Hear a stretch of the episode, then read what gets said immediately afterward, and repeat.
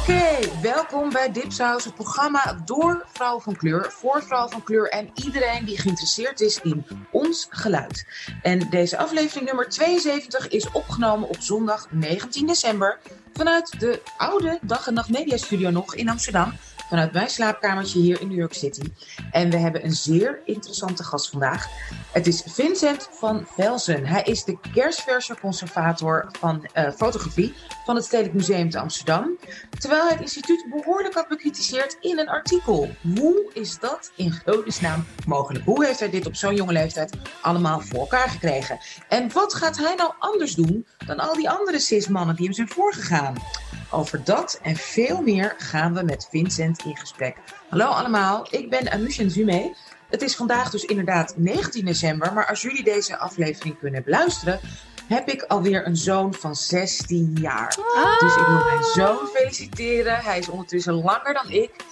Hij houdt van voetbal, hij houdt van gamen, hij doet het hartstikke goed op school en hij helpt mij met het repareren van mijn tassen. Hoe geweldig is dat? Oh. Gefeliciteerd, lieve Sami. Happy birthday, Sammy, Bammy! en mijn naam is Mariam El Maslohi. En ja eh, hoe, hoe, ja, hoe zwaar de lockdown ook voor sommigen zal uh, vallen, en ook voor mij, ben ik toch blij dat ik niet meer naar een klaslokaal met 30 hoestende, snotterende mensen hoef op de universiteit. Ik ben echt best blij dat ik thuis mag blijven. En uh, mijn naam is Ebisi Wakjura Rao en I'm PMSing like a mother. Oof. I'm just gonna put it out Oof. there. Oof. oh, I can't wait to get it over with. Like, ooit is het over, toch? Over een paar jaar? Of tien jaar? Hoe lang duurt het? Ik ben nog, Overgang? nog steeds. Niet elke... Sorry hoor, Vincent. Nou, ja, hey, je, je, bent bij ons thuis, dus uh, wij zeggen gewoon wat we willen. Um, uh, nog niet, niet elke maand, maar wel. Ik ben nu 52 en het is nu elke twee maanden of zo. Soms elke drie maanden, maar nog steeds. Oh, bijna, schat. Bijna. Dus je hebt, nog, je hebt nog even. Vergeet je niet te abonneren via www.dipstas.org. Daar zie je de relevante links naar iTunes, Spotify, Google Podcasts en vele andere aanbieders. Laat ook alsjeblieft een recensie achter op iTunes. Dat vergroot onze zichtbaarheid. Want het is heel erg belangrijk voor ons als onafhankelijke makers. We're still going strong. Uh, abonneer ook op onze nieuwsbrieven, artikelen, winacties, evenementen, playlists en onze eigen Dipstas exclusive essays en recensies. Er komen aan twee uh, essays uh, op. Ja, yeah, I know. It's been a while. Like, so it's been a minute. It's been a minute. Eentje van Mojde. Uh, en iets nieuws? Nou, het is niet meer nieuws. Just pay us. Geef ons gewoon geld. Als jullie ons zo leuk vinden, zoals jullie dat allemaal zeggen elke keer. Ja. Ik leer zelf Give us money.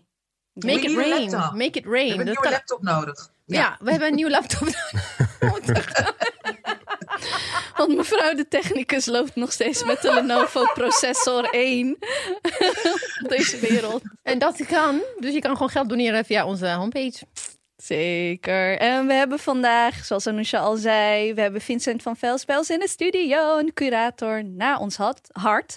Maar first and foremost, uh, Vincent, van dat we het helemaal volledig over jou gaan hebben en de trials and tribulations, beginnen wij altijd met onze favoriete segment. Wij noemen al onze segmenten onze favoriete segment trouwens. En daar laatst achter. Um, de BBBBBBBBB's, de bulk of B's. Dus de B's staan voor de books, de broadcasts, de binges, de, de, de whatever je interessant vindt. En we zijn het toch met z'n alle drie waren we het wel over eens dat we de B van Bell Hooks eventjes dat we daarbij uh, stil wilden staan.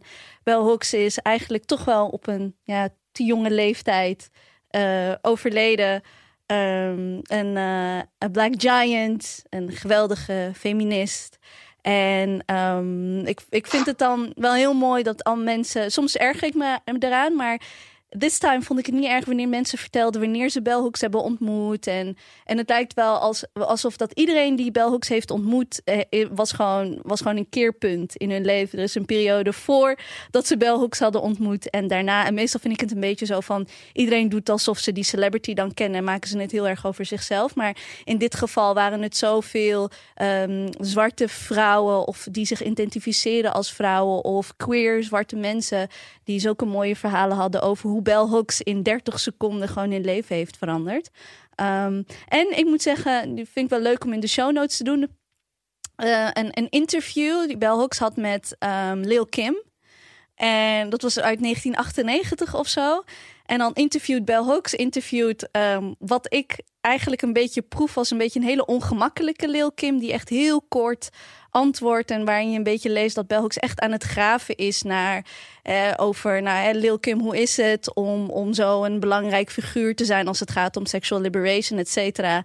En dan um, antwoordt Lil Kim daar best wel kort op. Maar later zie je dat Lil Kim veel meer inhoud geeft over wat ze doet en waarom ze doet wat ze doet. Maar ook over de, uh, de druk op Lil Kim om um, een soort van bepaalde look te hebben als uh, zwarte vrouw in de rapindustrie.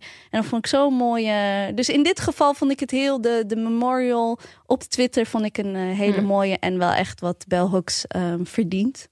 Dus dat was mijn kleine Heel mooi. B van ja, was, was, mijn B van Bell Hooks uh, is eigenlijk, ja, inderdaad, wat jij al zei van aanzetten, Marjam, is dat ze zo jong, relatief jong is overleden. Ik weet niet of de oorzaak bekend is gemaakt. Volgens mij niet. het verhaal is. Nee. Het is wel zo dat nog steeds hier in de Verenigde Staten uh, zwarte mensen jonger sterven dan witte mensen. Uh, gemiddeld vijf jaar jonger, gemiddeld. En als, zodra het inkomen, hoe groot het inkomensverschil, hoe groter dat verschil is. Uh, wat mij ook heel erg opvalt, is dat hier bijvoorbeeld heel veel rappers, ook veel mannen sterven hier nog, sterven echt hier nog aan diabetes.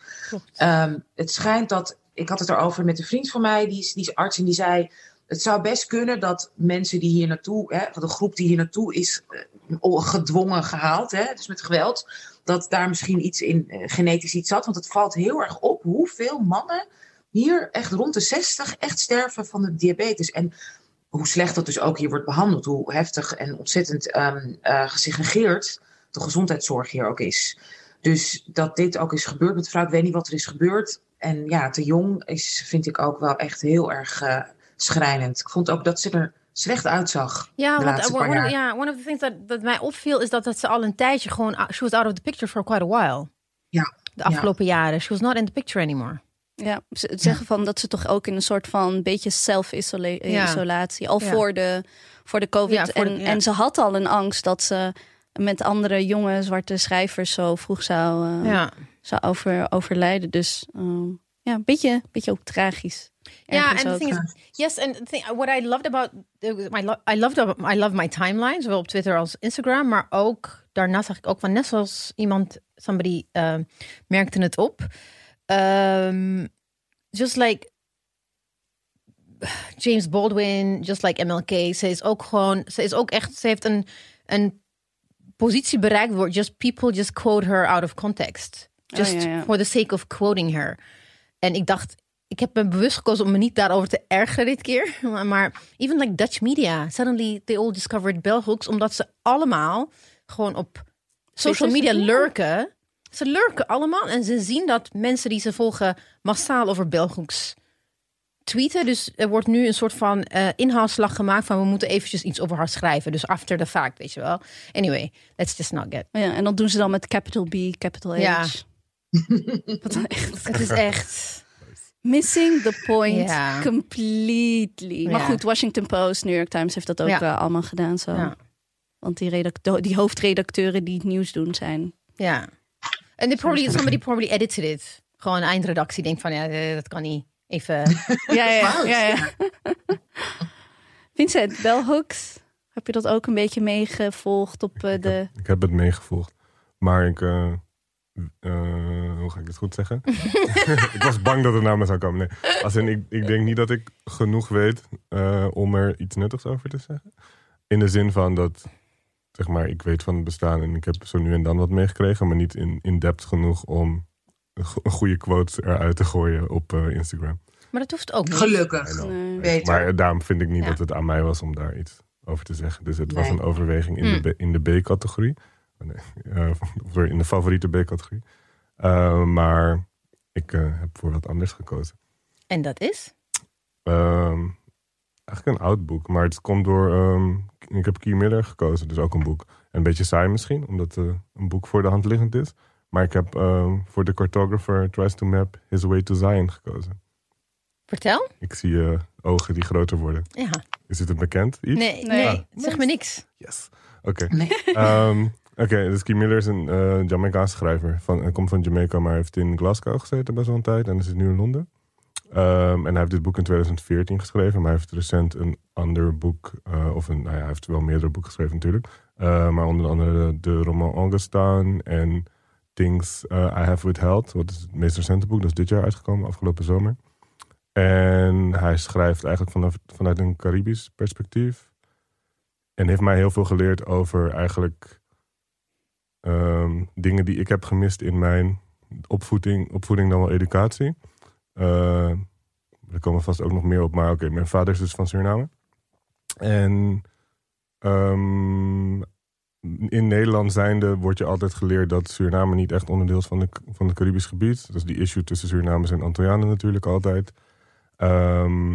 Maar ook, nou ja, dat is, uh, zelf, dat um, dat mensen het zelf tegenwoordig ook denken. Dat ze wellicht niet zo connected zijn met, met het Caribisch gebied. Uh, maar voor de dingen die hij zei, maar ook gewoon letterlijk, dingen die hij schrijft. Daar komt voor mij heel veel uh, de, hetzelfde eigenlijk in voor als wat, wat, wat ik ken uit Suriname. Waardoor van het voor mij een moment was dat ik dacht, oké, volgens mij zijn we net iets meer connected dan ik dacht. En ook gewoon, zelfs als je het over de taal hebt, want hij gebruikt vrij veel. Um, wat is het? Local language. Um, en dat, dat komt gewoon heel erg overeen met wat in Suriname wordt gesproken. Dus je, je, leest gewoon, je leest gewoon tekst en ik denk, ik ken dit of ik herken dit. En ik, ik kan het lezen, want de taal is hetzelfde. Dus voor mij was daar zit een connectie. Um, maar specifiek om naar dit boek te gaan. hij schrijft dingen als... Waar komt hij vandaan? Which... Jama Jamaica, Jamaica, ja. ja. ja. Ja, um, en ja, hij heeft dan, dit, is eigenlijk een, soort dichtbundel. Ja, een dichtbundel. Hij schreef veel ook essaybundels en heeft ook een aantal romans geschreven. Um, en hij zegt dingen als... Nee, misschien moet ik het anders introduceren. nice. Um, dus dit boek gaat specifiek over uh, de cartographer tries to map his way to Zion. En Zion is zeg maar in Jamaica dan. Of een bepaalde plek op Jamaica. En dan gaat het over een, witte man die cartograaf is en probeert een, een, een kaart te maken van, uh, van de omgeving.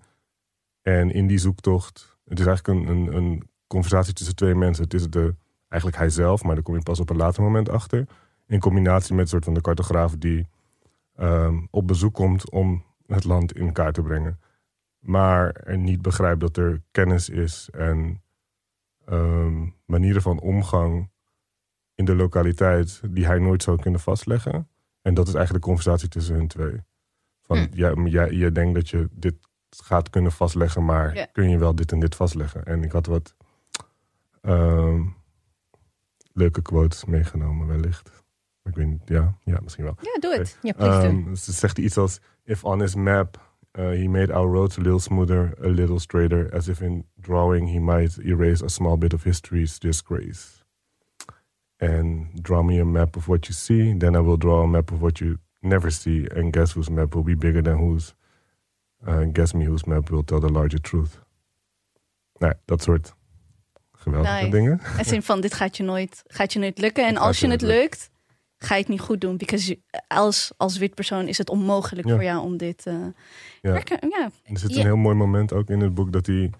Um, hem zeg maar de weg uit gaat leggen van oké, okay, hij vraagt oké, okay, hoe kom ik daar? En, en dan is het antwoord van ken je die en die persoon die altijd op zondagochtend daar ja, een, een, kraampje heeft? En dan zegt hij ja, nou oké, okay, daar moet je dus niet zijn. En de volgende is van, um, ken je die boom uh, als je daar en daar links gaat bij dat autovrak? Oké, dan moet je dus daar moet je ook niet heen. En dan, maar het is de hele tijd soort van het, ja. maar ook het uitleggen eigenlijk van de waarde van bepaalde aspecten die nooit op elkaar zullen komen, maar wel voor iedereen in het geheugen of in, in, in awareness zitten. Ja. En hoe ga je daarmee om als je een kaart tekent? En ook uiteindelijk kom je er dus achter uh, dat de, de, andere persoon, zeg maar de, de lokale persoon, hij zelf is. En dan is het ook, hoe had je ooit kunnen bedenken dat de persoon tegen wie je praat, in een soort van, um, alsof het een lokaal persoon is die niks weet, dat het iemand is met een PhD vanuit een universiteit uit je eigen land. En dat is hij zelf dan. Uh, ik moet een beetje denken aan wanneer mensen mijn vader onderweg vragen. En dan vond ik het heel erg warrig. Maar toen ik begon met autorijden, kwam ik erachter. Als ik ook wegen. Ik doe pas echt maps aan als ik het echt niet weet. En dan ik rij gewoon zo van, oké, nou, ik moet bij dat winkeltje moet ik rechts en dan moet ik links. En dan weet ik gewoon van, ik ga niet letten op wat mijn telefoon zegt. En nu heb ik een soort van kaart van Den Haag in mijn hoofd dat echt heel anders is dan als ik Maps aanzet. Maps will confuse me omdat ik weet, nee, ik ga drie stoplichten tellen. Want mijn vader die zegt dan tegen iemand, ja, nou, dan moet je bij die bakker moet je niet naar rechts, maar dan moet je naar links. Denk ik, waarom zeg je niet naar rechts? Dat is confusing. Zeg gewoon gelijk dat je naar links moet. Ik doe nu precies hetzelfde als mijn vader. Het is echt. zo, zo rij ik, zo navigeer ik. En dat is gewoon wanneer je op een hele andere manier naar een locality Mhm. gaat, gaat En kijken. dat is ook waarom Google Maps, ik vind Google Maps is oké, maar ook best wel verschrikkelijk. Want wie zegt dat je, als je, vooral als je, nee, in Nederland valt het wel mee, maar bijvoorbeeld als je in New York bent bijvoorbeeld, dan is het soort van de tweede naar links en de derde naar rechts. Maar er zijn, het zijn blokken, dus je kan op heel veel verschillende manieren, Ja. kun je Ja. als op diezelfde plek komen, wat ook twee naar links en dan de derde naar rechts is of zo, zeg maar. Ja. Dus, nee, ik vind Google Maps op die manier heel vervelend. En alles wordt hetzelfde daardoor, want je zal nooit iets vreemds tegenkomen, omdat Google Maps je soort van de makkelijkste of de meest Ja. smooth weg geeft. Terwijl wellicht de andere weg interessanter is. Ja, precies. En en the thing with Google, okay, we're talking about Google, Google Maps, maar, maar eh, wat het wel doet is, it makes you lazy. Oh ja, dat wel. ja, It precies. makes you lazy because in, in Ethiopië, kijk, dat the thing is, ik heb een pre-Google Maps, wij, Anousha, Ja, Denken we En- allemaal. en toch? ik al helemaal in Ethiopië toen, toen we waren like, eh, afgesneden van de entire world. Eh, gebouwen zijn your markers. In Ja. heel veel landen zijn gebouwen your markers. En laatst time I was in Ethiopië, Google Maps doet het gewoon in Addis. Maar mijn nichtje, die gewoon internet heeft, die heel slim is, she just refuses to use Google Maps. Dus we zijn in de auto, we get lost. Ik weet al hoe we moeten gaan, maar she just refuses to listen to me and my Google Maps instruction. Like, ja, nee, maar je snapt het niet. Ik ga wel even vragen en we waren gewoon een half uur laat. Ah, dat ja, is gewoon per se dat manier van bij die ene gebouw rechts en dan ga je links. En, eh, Ja, zo rij ik dus nu ook. Terwijl ik weet echt wel Ja. dat het er is. En het zal prima werken in, in Den Haag. Maar ook als ik hier naar de studio kom, denk ik van, ik weet gewoon mijn weg. Op een gegeven moment weet ik dat ik ongeveer langs eh Pepperonina moet. En dan eh, de brug over. En dan langs een Aldi en Albert Heijn. En dan moet ik op een gegeven moment gewoon naar links. Maar Google Maps will confuse me. Want ik heb al zelf... en eh, ik, ik ga het gewoon decolonizing the road noemen. Nee, ik wilde even ja. één ding zeggen. I mean, als je de- dan van Kai Miller houdt, dan, dan ken je ook, de, of misschien niet, het kan. Ik I'm not big on poetry, like everybody knows. It's not because I don't like it, I just don't get it. En dan ook een Caribbean uh, author en philosopher, Eduardo Glissant. Aha. Poetics of Relation. Mhm. Ze hebben heel veel gemeen van wat je net zei. Dus dat, ik moest er gelijk aan denken. Dat is like the, the French version of Kai Miller dan, I suppose. Want I've read En it many eerder. times. Ik snap het niet. Echt? I mean, ik snap het wel because bits. I've read explanations. But when you read it, it's like, wat staat hier? Maar goed. Echt? Ja. But I love it though. Ik vind Glissant best wel... Ja, wat is ook in die zin belangrijk geweest. Ja. Om- Ja. Voor mij voor, om, dat, ja, om te, te leren eigenlijk waar je vandaan komt. Ja. En dat deel wat in een Nederlandse context niet veel wordt verteld in die zin. Ja. En daarom dus sowieso like a Caribbean writers, be it uh, uh, francofoon of even E- Engelse anglofoon writers en philosophers zijn gewoon niet groot in Nederland. Het is nu van nul omdat er gewoon een opleving is vanwege antiracisme. Mhm. En zelfs uh, hoe er over Fanon wordt gepraat is niet. They, they don't, they don't, they, I don't know who. Behalve Gras, Gras en Jaco, die we heel goed kennen. I don't know any Fanon expert in Nederland. In terms of white. No. There, there are none die who have like a sense of grasp of what he. Want ze, leest het ook in het, in het Frans, Nederlands en Engels. Mhm. Dus it's, it's, it's like. eh, there is there's zero, zero knowledge in Nederland. En terwijl dat, dat Caribbean een, een, een, wezenlijk belangrijk onderdeel uitmaakt van our Oh ja, zeker. history. And not just also het- modern history. Maar het moeilijke daaraan is denk ik dat veel van vooral de Frans is niet vertaald. Ja, Dus of vrij laat of naar het Engels. ja. Eh, waardoor echt die connectie. En omdat in Nederland mensen niet zo heel veel eh, Nederland, of, eh, Frans meer spreken. Wat voorheen denk ik meer het geval was. In ieder geval in de. That's in, not it. in mijn omgeving. Maar je, daardoor is die connectie Ja. wel moeilijker te maken. Nee, maar everybody reads uh, in, academia, iedereen leest Engels. En al die white dead French philosophers zijn wel gewoon vertaald. Ja, die zijn wel. Maar, die, maar, Ja. de, maar Glissant is eigenlijk. Er is heel weinig van Glissant Klopt. vertaald eigenlijk. Ja. En Nou, da- ik heb, daar ik heb mis je ja, het wel. ja en, en- maar ze hebben laatst is er een van de, I think Liverpool University heeft zijn al zijn werk gewoon in een eh, Ja? vier luiken hebben ze het. Oké, vertaald. nice. Ik heb het thuis, ik heb, ik heb geprobeerd te lezen, maar... Ik snap- i- iemand moet eh, echt uitleggen. Ik snap het niet. Nee, Ah, ik nee. snap het gewoon niet. Maar het is ook, maar, ehm, zoals bij elke filosoof, elke schrijver, dat er natuurlijk, je hebt, een heel, je hebt een heel boek en basically, volgens mij van Poets of Relation heb je letterlijk één paragraaf, zeg maar, de opacity op- one. Dat is zeg maar drie pagina's Ja. letterlijk.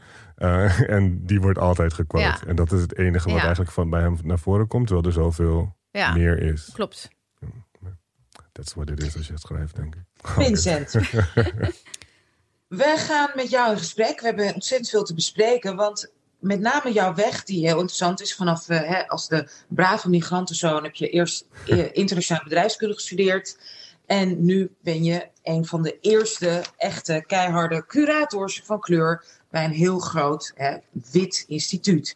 Maar we beginnen zoals altijd met deze drie vragen, die heel belangrijk zijn voor ons. Wie ben je?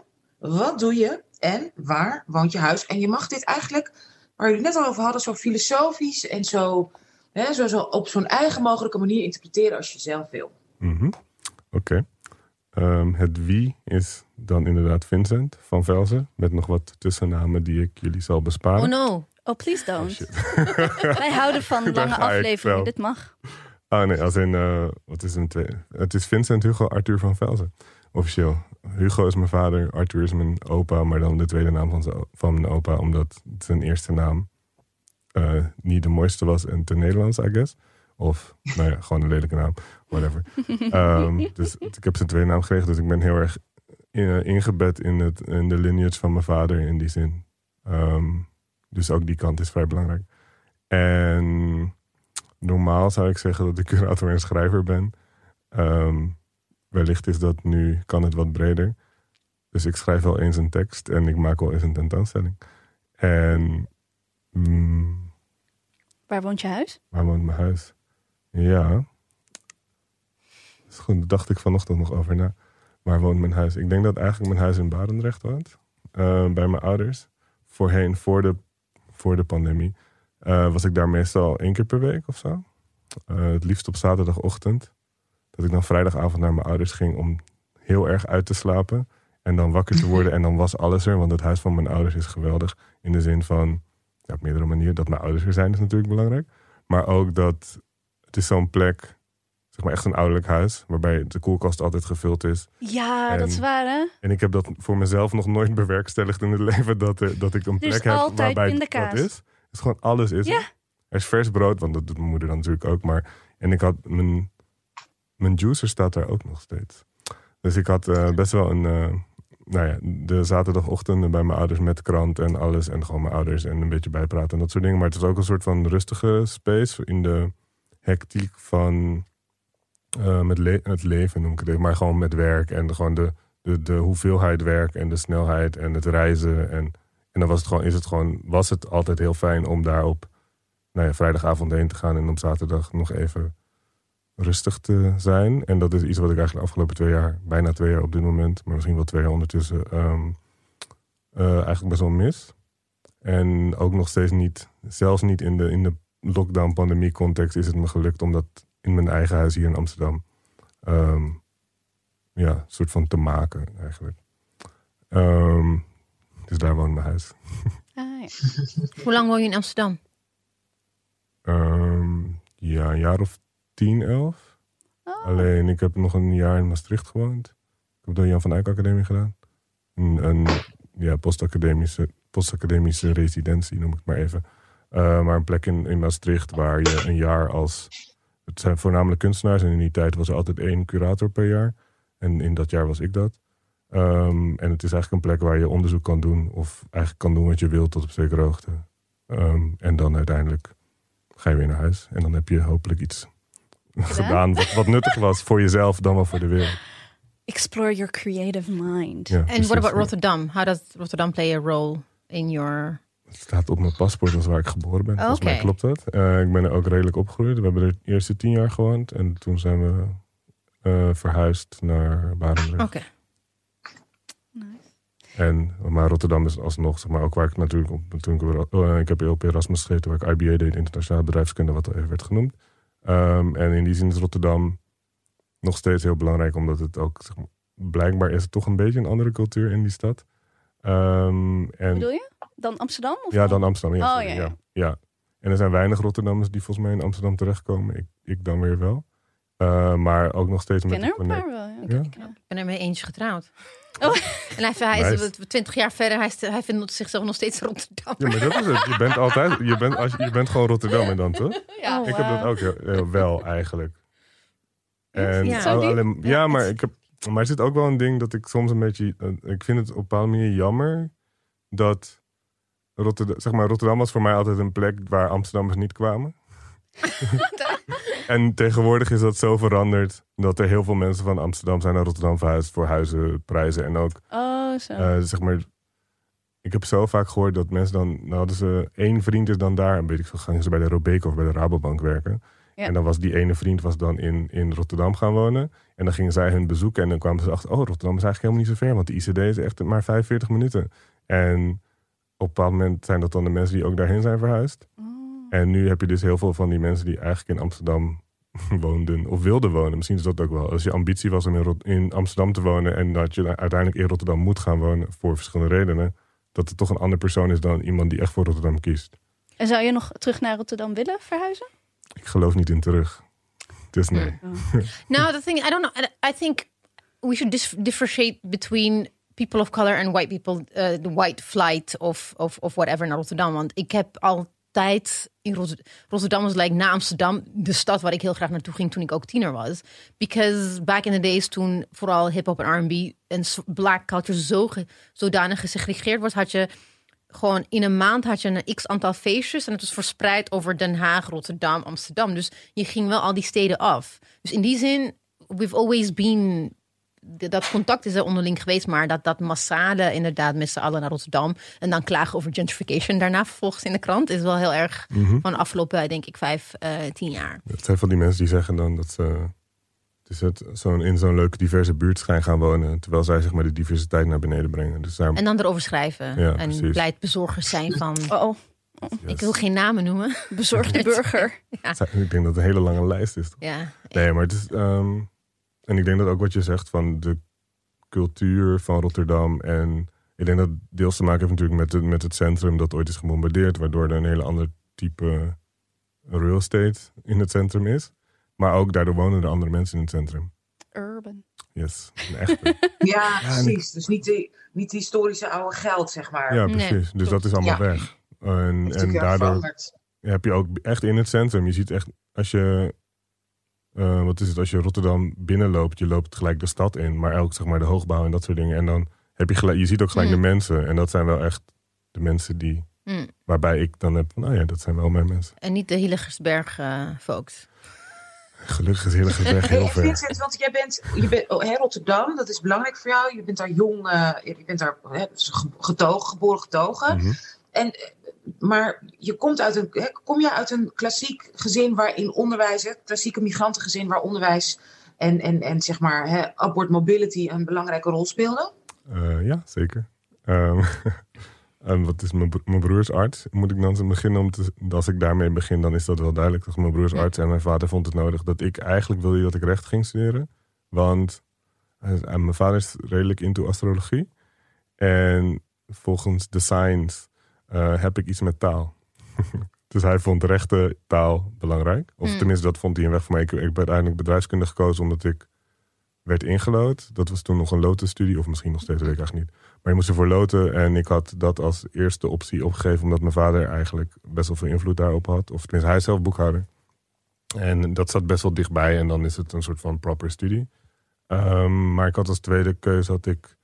Het is sociale geografie en planologie opgegeven. Dus eigenlijk meer richting architectuur en, en stedenbouw en hoe dat in elkaar zat. En dat is iets waar ik nog steeds wel geïnteresseerd in ben. Uh, maar ik ben dus ingelood, dus ben ik IBA gaan doen. En ja, dat vonden zij een goed idee. Dus na het eerste jaar had ik er eigenlijk al, vond ik het niet zo interessant of niet zo, ja, niet zo leuk of boeiend of whatever. En toen zeiden ze van ja, maar je bent net begonnen. Als in mijn ouders zeiden je bent net begonnen, kijk het nog een jaartje aan. En dan na het tweede jaar zeiden ze van oh ja, maar nu, nu heb je al twee jaar gehad en het is natuurlijk maar drie jaar. Dus ja, nu ben je er Kan je bijna. het goed dus afmaken. je het goed Lekker. afmaken. En na drie jaar was het, in het derde jaar had ik echt geen zin meer. Dus toen, ehm, Maar dan ben je al klaar. ja, uh-huh. mijn eh, punten gingen volgens mij van 50 naar 40 naar 30. Eh, dus uiteindelijk, de, ik heb het laatste jaar heel weinig, was ik op de universiteit, basically kwam ik dan aan op Blaak. En dan was het idee van of je gaat links naar de stad of rechts naar de universiteit. En meestal ging ik links. Ehm, en dan was het ook, ik heb vrij veel van het eh, nachtleven. Klinkt dramatisch, maar ik heb vrij veel vibes en uh, of Corso gezien in die tijd. Mm. En Rotaan en like, al- alles wat daar omheen zit. Dus veel binnenweg. Ehm, en, maar toen kwam ik ook op een punt voor mezelf dat ik dacht van oké, ik moet echt wat anders gaan doen. Want dit werkt niet en ik heb hier eigenlijk helemaal geen zin in. En, Maar had je wel je diploma? Nee, nee, nee. nee, dat was in dat derde jaar. Kan, ik, heb het, eh, ik heb het, volgens mij ben ik uiteindelijk zes jaar ingeschreven geweest op eh, IBA. Ehm, maar dat heb ik dus nooit afgemaakt. In die, Ik heb dus die van mij wel. Ik had heel Echt? veel momenten, ik wil niet, ik wil niet, ik wil niet. En toen keek mijn moeder me echt met puppy eyes aan. Ze zei, haal alsjeblieft een diploma. En toen ben ik gewoon doorgegaan. Echt gewoon zo met... Maar ik ben toen een andere studie gaan doen. Ah, oké. Dus ik ben toen na mijn derde jaar ben ik eh, kunstgeschiedenis en Leiden gaan doen. En dat heb ik gewoon in, Ah. dat heb ik netjes in drie jaar gedaan. En dus uiteindelijk na die zes jaar was ik, had ik dus wel die eerste diploma in ieder geval. En toen heb ik ook bedrijfskunde verder achter me gelaten. Hm. Maar ik merk wel zo nu en dan dat het wel helpt. Dat ik wel wat dingen weet die andere mensen niet per se weten, die voor mij dan een soort van vanzelfsprekend zijn, omdat je, eh, Kan je een wel een voorbeeld jaar, geven? Sorry? Kan je een voorbeeld geven? een jaarrekening kunnen lezen. Oh ja, oh my Oh, god. Oh my god, yes. Maar ook zelfs een soort van basics met Excel en zo omgaan. Ja. Ik vind ik- ik- Excel is wel vrij belangrijk. Mijn vader is zo boekhouder dat hij Ja. brieven in Excel schrijft. Deze gast echt last. Dat kan wel. Die is Ja. last. Maar dat is echt next level. Ik, ik kon het, vroeger kon ik dat soort dingen wel, maar ja. Het is echt zeg maar, hij, het. hij, vindt Word vindt hij maar niks. Dus hij doet gewoon dingen in Excel. Maar ik kan ook vrij goed met Excel omgaan. Ja. En, en nou ja, gewoon op. Ja. Als je ook zeg maar, in, in de kunstwereld, om het zo maar te doen, moet je veel, vrij veel budgetten maken en dat soort dingen. Of even iets checken. ehm, nou ja, Begrotingen. ja, begroting en zo. Maar dat, voor mij is dat heel vanzelfsprekend. Maar ik merk dan dat voor andere mensen dat wat Mhm. minder vanzelfsprekend is. Maar ik heb wel een beetje, natuurlijk wel toch die achtergrond ergens. Ik heb wel die dingen opgedaan. Ook aan marketing en Hm. Ehm, gewoon kennis over bepaalde theorieën die in, de bedrijf, in bedrijfskunde heel Ja. logisch zijn, maar dan daarbuiten niet zo. En dat is dan wat je dan toch wel soms merkt dat dat helpt. Bizar hè, dat we nog steeds bij kunstopleidingen niet.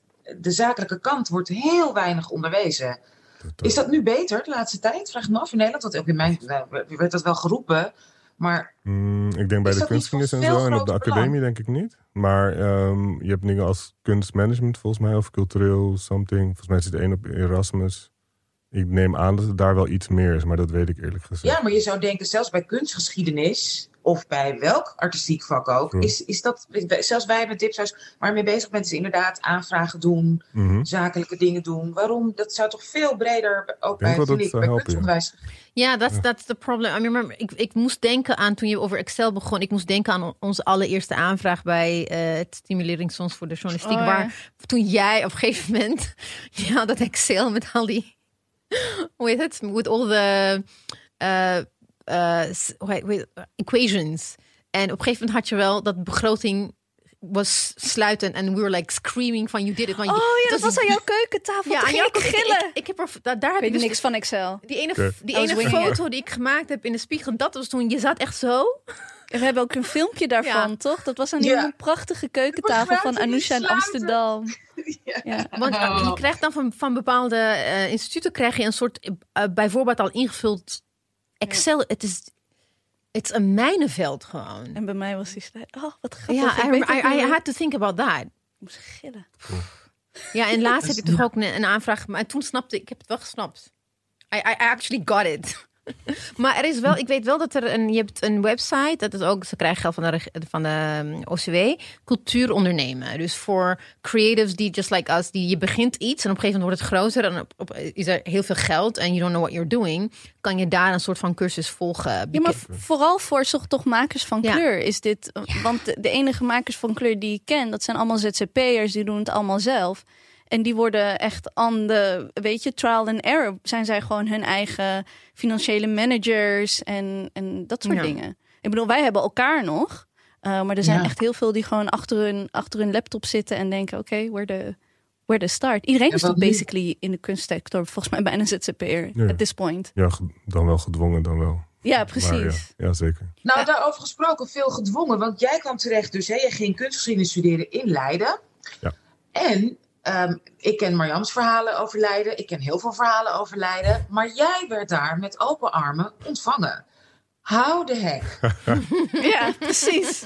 Ehm, ja, complex. Ehm, ik denk dat er verschillende dingen meespeelden. Zeg maar, voor mij was Leiden best wel een oké... Ik woonde natuurlijk niet in Leiden, dus dat hielp. Ehm, dus ik was gewoon in Rotterdam nog in die tijd. Maar eh, op kunstgeschiedenis heb je voornamelijk vrouwen. Als in die het studeren. Dus als je dan een man bent, dan heb je een bepaald privilege. Ehm, je ben, ik was iets ouder, omdat ik natuurlijk al mijn andere studie drie jaar had gedaan. Dus dan ben je ook relatief anders. En er waren nog meer factoren die mij anders maakten. Eh, en anders als in misschien ook deels interessant. Zeg maar, waar de scheidslijn tussen exotisme en iets anders ligt. Oké. Ehm, Mhm. Maar ik denk dat dat soort dingen meespeelden in de manier waarop ehm, je land of zo, in zo, op zo'n studie, maar ook in zo'n stad. In combinatie met, misschien ook omdat ik iets ouder was, had ik, eh, nam ik het misschien ook al wat serieuzer. En dan heb je ook best wel goede connect met je, met je docenten. Dus ik had bijvoorbeeld mijn eerste werkgroep, was een schrijfwerkgroep voornamelijk.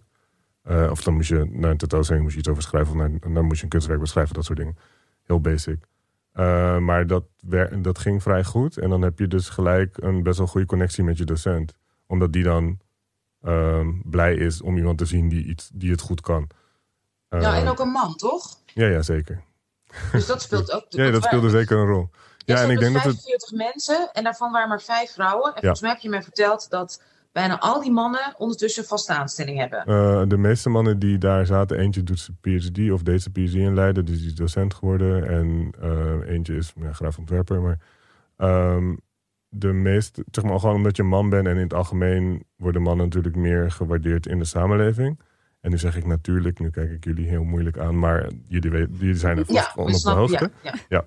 We got the memo. Yes, precies. Helaas. En de meeste mannen zijn, dus de meeste van, hè, van alle grote um, instellingen, kunstinstellingen, is, terwijl er zoveel vrouwen dus het studeren, mm -hmm. Ja. die, die, die, de, de, de hoofd, de, de, directeuren zijn bijna allemaal mannen. Ja. Het helpt ook mee als je lang bent trouwens. En dat ben En ik ook stem. Ja, allemaal- maar het zijn allemaal factoren die meehelpen. Zeg maar als je 1,90 bent of 1,95 in mijn geval dan. eh nee, dat is wat ze, wat ze dan vaak als natuurlijk overwicht eh, eh, beschrijven. Maar er zijn heel veel aspecten die dan meespelen. Maar ook bijvoorbeeld in, nou ja, zoals je zegt, in, bij de musea zijn de meeste directeuren man. Ik, volgens mij is er één of twee zijn, er, zijn het niet. Zeg maar in ieder geval in de kunstmusea, in de kunstmusea dan. Of bij de kunstmusea. En bij de grotere.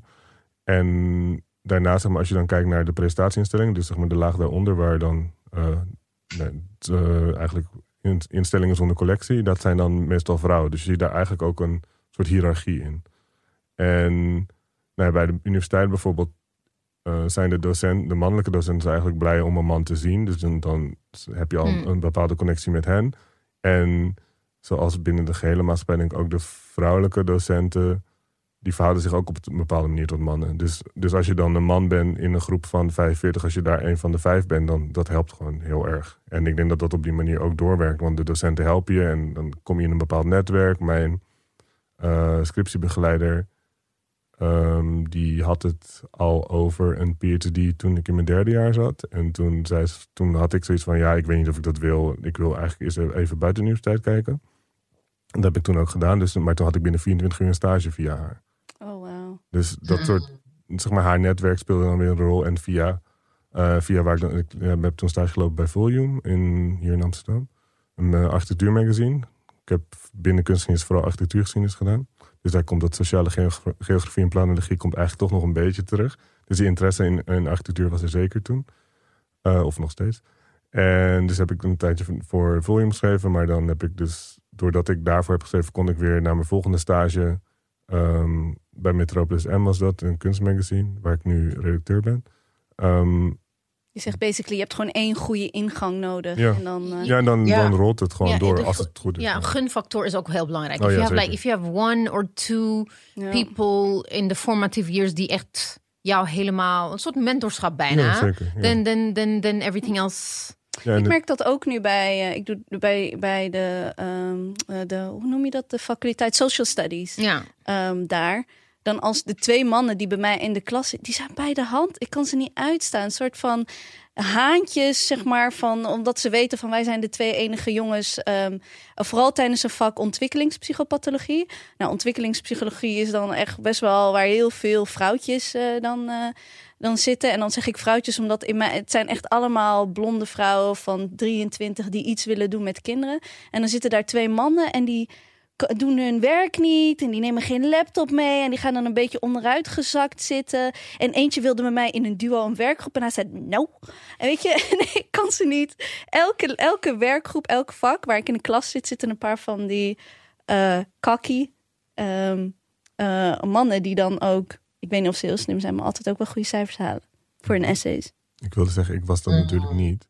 Oh ja, of ik, wa- ik course. was super gemotiveerd. Nee, en niet met, ja, eh, over het algemeen redelijk. Maar, ehm, ik, maar dat is wel die, dynam- die dynamiek die je beschrijft, die ja, herken ik zeker. Ja. En ik denk dat dat gewoon doorgaat in de rest van het leven.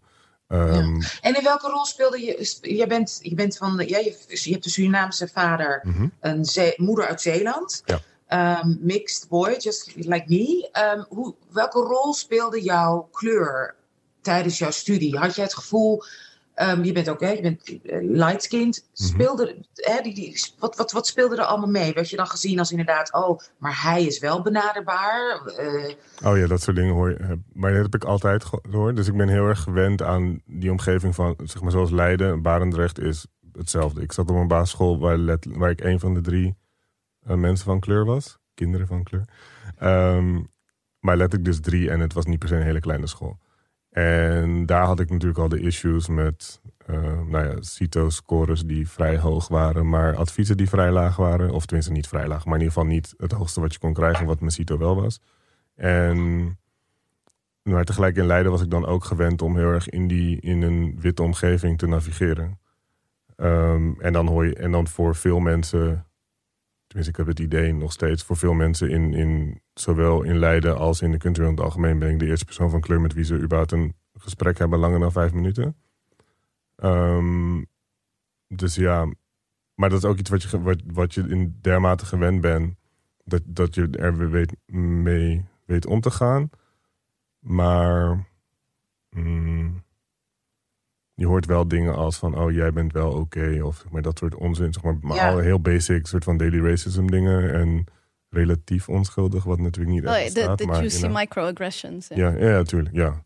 Want hoe Oh. ga je daarmee om? Dat lijkt me voor jou heel erg lastig. Ook omdat je, je, je, je vader is een stuk donkerder. Mhm, Je kent, je weet wat hij heeft meegemaakt als, als hè, boekhouder bij een ziekenhuis, die eigenlijk veel meer kon. mhm. Hoe, hoe, ja, hoe navigeer je daarin? Hoe ga je daarmee om? Wanneer zeg je wel of niet iets? Want je bent ook carrière aan het maken. Dus Mhm. hoe, Ja, ja. ik wilde zeggen, ik, ben, ik heb me nooit heel erg druk om mijn carrière gemaakt. Maar misschien juist omdat ik niet, mezelf niet zag als... ehm bepaalde potentieel zag ik niet per se. Of tenminste de optie, bijvoorbeeld nu dat ik nu bij een museum werk. ehm, ik heb ooit een keer een presentatie gedaan waarbij bijvoorbeeld...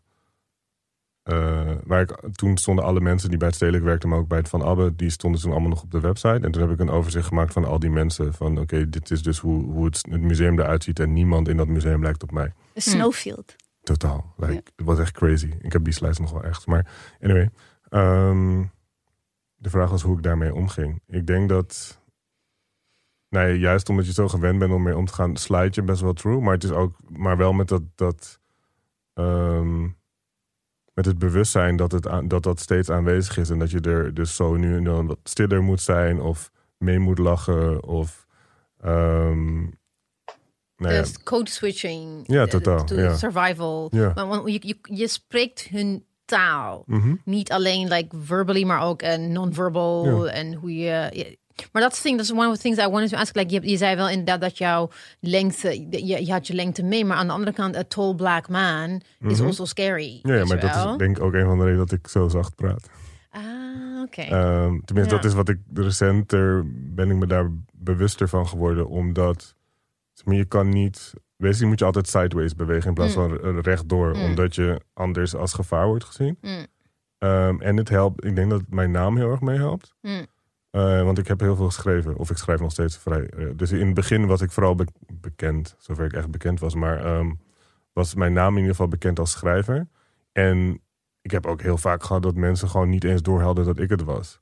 Mm. Dus dan kennen ze een tekst, maar dat de tekst daadwerkelijk door mij is geschreven. En zelfs als je de naam zegt, wordt, het klikt gewoon niet. Want in hun hoofd was ik wat anders. Oh, Mm, ja, Dus Vin- ik denk- Vincent van Velsen doesn't sound like a Surinamese. Vincent. Hugo, Arthur, nothing. Nothing I works. was just gonna say. Can't use him, man.